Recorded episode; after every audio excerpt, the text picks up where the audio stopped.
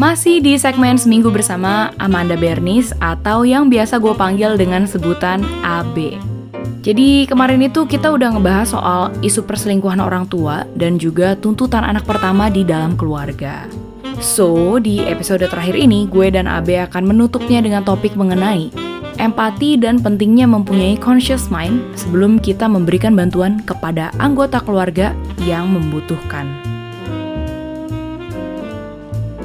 Misalnya nih ya, gue dengerin podcast ini terus gue adalah om yang punya keponakan hidupnya kayak si Abe nih yang Hmm. kayak anjir dia bokap nyokapnya sakit terus habis itu nggak taunya jadi jadi anak yatim gitu dan ini nih gue nih sebagai om tante sepupu baiknya tuh gue harus uh, berlaku seperti apa sih be kalau dari observasi lu gitu ya Ini interesting sih. Menurut gua ya. Sebaiknya lu tuh benar-benar mendengarkan kebutuhan dia apa. Misalnya lu, kalaupun lu bingung atau lu nggak tahu, instead of lu langsung kasih nasehat atau enggak lu langsung kayak ngasih bantuan tapi juga ternyata salah sasaran yang gitu-gitu, lebih baik lu nanya aja ngobrol kasual gitu. Kayak misalnya, eh kamu kamu gimana di rumah? Mami papi gimana gitu? Masih sering ribut gak? Misalnya gitu kan?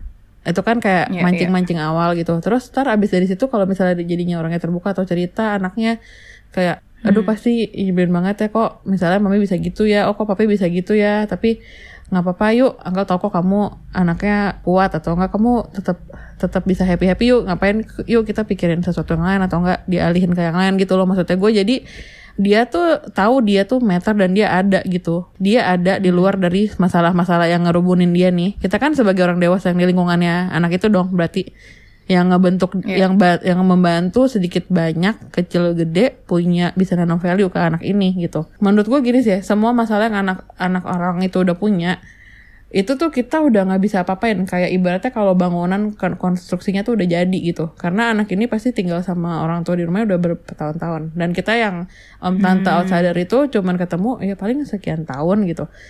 Yang kita bisa lakukan tuh kita kan nge-rebuild ke depannya gitu. Punyalah kepekaan itu sedikit lebih mau mendengarkan. Mendengarkan dalam artian tuh maksudnya gue lu benar-benar dengerin kebutuhannya dia oh ini lagi sensitif nih lagi marah nih atau enggak dia oh dia ngerasa kecewa nih kayaknya nih anak gitu Hmm, nggak usah lu nggak usah lu beresin masalahnya lah ya.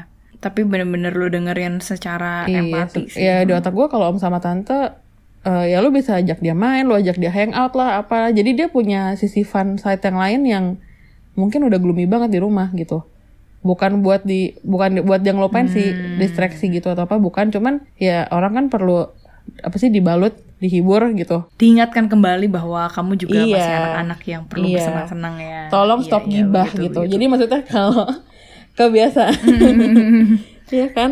Kebiasaan kadang-kadang ada Iya, aja. bener-bener. Maksudnya mungkin gak semua, tapi ada juga kan kayak om dan tante yang pas denger malah jadi ikut gibah. Satu lagi nih yang gue kayak kadang-kadang eh, ngeliat pattern dinamika keluarga yang besar gitu. Om sama tante ini kadang-kadang nolongin sesuatu tapi belum tahu motivasinya apa gitu. Jadi orang ngebantuin tapi for the sake of eh, mereka feel guilty. Jadi sebenarnya mereka nggak niat bantuin. Mereka pun kesusahan dan ujung-ujungnya malah si anak yang dibantuin ini yang jadi mau nggak mau dibikin seakan-akan dia berhutang Iya, budi atau dia jadi kayak punya utang duit yang gimana banget gitu sama orang yang ngebantuin. Nah itu sih yang gue pelajari banget dari cerita-cerita orang lain juga, termasuk cerita dari lu juga waktu itu gitu ya.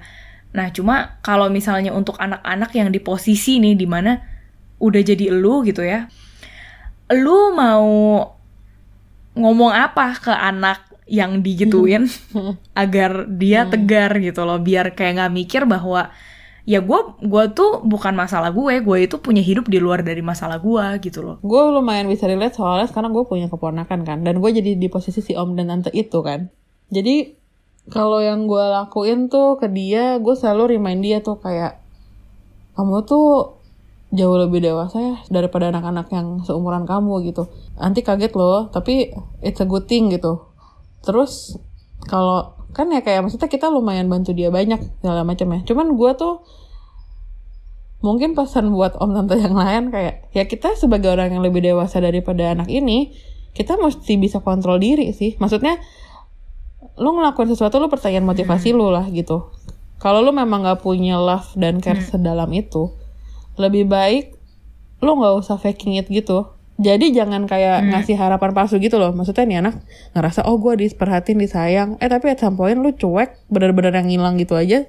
Dan dia pas udah gedean baru mikir oh jadi tuh ternyata emang sebenarnya dia nggak sayang sama gue. Dia cuman kayak nggak enak sama nyokap gue atau bokap gue Hmm. tapi kalau lu memang care ya lu tunjukin lu ngomong aja. Cuman gak usah sampai over over over superficial over yang jadi manis yang gitu ngerti gak kayak be real aja sih menurut gua Hmm. gue lumayan bisa relate sama nih anak karena mungkin hidup gue waktu kecil juga nggak bahagia bahagia banget gitu. Jadi gue masih kayak punya empati yang besar. Adik-adik gue juga sama ke dia. Cuman nggak semua orang bisa berangkat dari cerita yang sama kan. Jadi kalau lu mungkin gak sayang sayang banget dan emang gak sepeduli itu tapi lu juga extra care lah untuk kasih kata-kata. Lu pikirin bener-bener gitu kata-kata yang mau lu keluarin atau sebelum lu berkomentar gitu gue tuh berharap ya semua orang tuh punya conscious mind yang kayak gitu sih sebelum dia asal ngucapin gitu loh. Karena kadang-kadang efeknya tuh di anak yang special case ya maksudnya yang kayak dari kecil udah ngerasain di home-nya gimana gitu pasti lebih oversensitive. Pasti kata-kata itu jadi kekuatan.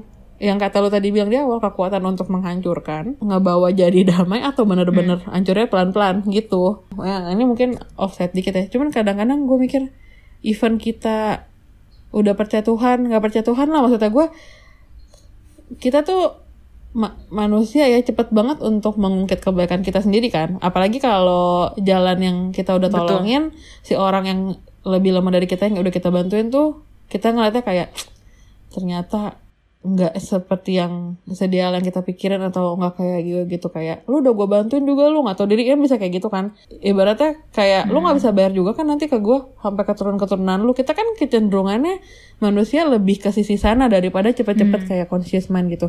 Atau enggak misalnya ada juga teman gue misalnya sama-sama bergereja gitu. Tapi sebenarnya ada kayak gitu mengungkit balas budi tapi kita cara ngomongnya ya kan walaupun kita diajarin sama Tuhan untuk berbagi tapi kan ya gimana ya kita kan udah bantuin udah apa. Maksudnya gue lu nggak usah ngomong sampai panjang kayak gitu. Ya lu mau bilang kan sebenarnya lu bersyukur kayak lu tahu diri kayak gitu kan tahu diri kayak gitu kan.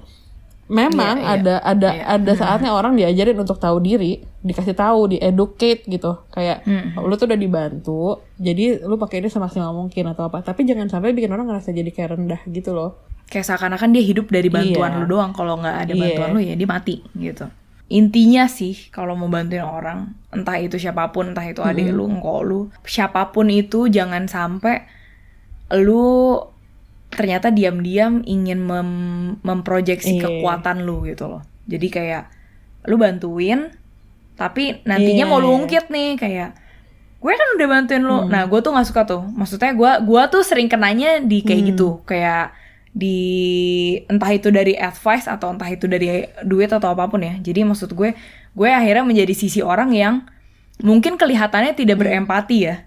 Kayak nggak nggak peduli bantuin orang tapi gue tahu batas gue. Kalau misalnya gue nanti suatu saat memberikan sesuatu ke orang dengan kata-kata di depannya. Tapi kan gue udah bantuin. Nah Hmm. udah jangan bantuin. Iya tapi ya kayak lu gitu juga nggak salah karena lebih baik disclaimer yang kayak begitu. Jadi lu juga nggak fake kan nggak berpura-pura gitu. Berarti kalau lu ngasih ya berarti lu memang beneran ngasih ini gitu. Cuman maksudnya gue khususnya buat orang-orang yang udah been through a lot uluran tangan tuh selalu ada di dekat kita gitu. Tapi kita ya ya gitu lah. Maksudnya kita harus punya conscious mind. Itu penting banget sih. Ya ya ketemu orang-orang kayak lu memang juga penting banget sih iya. Yang kayak tahu kapan harus say yes sama say no gitu. Soalnya kalau gue tuh selama ini in between gitu kan kadang-kadang. Dan itu jadi balik lagi ke gue lagi gitu ya udah kalau gitu teman-teman yang dengerin ini kalau lo mungkin orang kayak gue kontak AB ya. Oh my dia perlu temen kesian.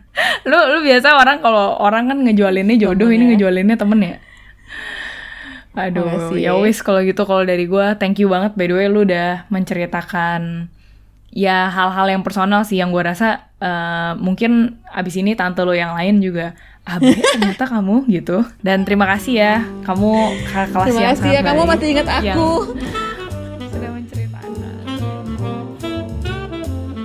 Segmen Seminggu bersama Amanda Bernis udah selesai nih menemani kalian dari hari Senin, Rabu, dan Jumat. Kalau kalian tertarik untuk berbagi cerita atau mungkin mau kasih ide mengenai topik yang mau kalian dengar di segmen Seminggu Bersama, langsung aja ngobrol sama gue melalui direct message di Instagram @abjadtersirat.